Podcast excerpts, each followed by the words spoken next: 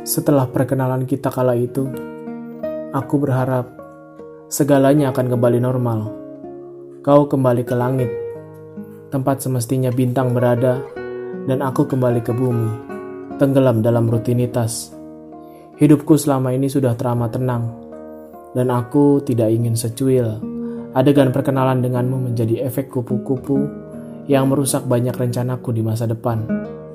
Percayalah, aku sudah pernah bergumul dengan asmara, dan patah yang ditimbulkannya tidak berdampak baik. Aku tidak membutuhkan drama untuk saat ini. Namun naasnya, sebuah hai apa kabar darimu kembali membuyarkan fokusku. Mati-matian aku berkata pada cermin bahwa perasaan untukmu hanyalah euforia sesaat yang akan hilang dalam hitungan hari.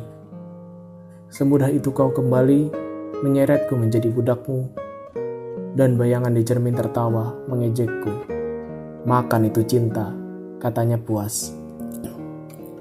Cinta selalu bersemi di tempat, waktu, dan situasi yang tidak terduga.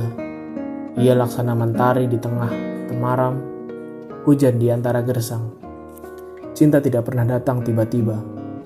Ia akan mengendap-endap, menyusup ke dalam urat nadimu, meledakkan jantungmu, lalu meninggalkanmu terbakar habis bersama bayang-bayangnya. Dan aku hanya mampu menjadi korban dari kerinduan yang mencekik, yang tersenyum dengan pipi merah merona tatkala kau menyapaku.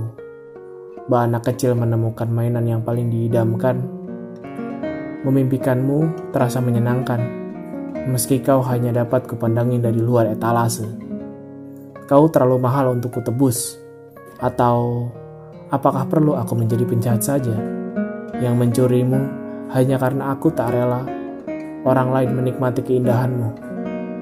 Kutampar pipiku sendiri. Bukan, Aku bukan anak kecil, dan kau bukan mainan.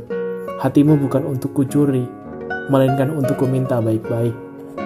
Sebuah "Hai, apa kabar?" memang membuat seseorang gagal move on.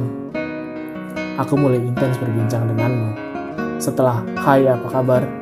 ada "Jangan lupa makan" dan "Selamat tidur." Dan di setiap obrolan kita, aku selalu berusaha mati-matian untuk terfokus pada kata-katamu. Sulit bagiku mendengarkanmu jika parasmu mendistraksiku lagi dan lagi. Kali ini, aku tidak bisa mengelak. Aku yakin bahwa hatiku sudah ada di genggamanmu, menjadi hak milik untuk kau rawat, atau mungkin kau hancurkan.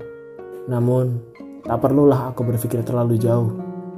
Sekarang yang terpenting adalah mengatur siasat agar posisi kita berimbang aku pun harus bisa menggenggam hatimu. Karena entah kau sejauh langit atau sedekat langit-langit, bagiku kau bintang yang aku puja setengah mati.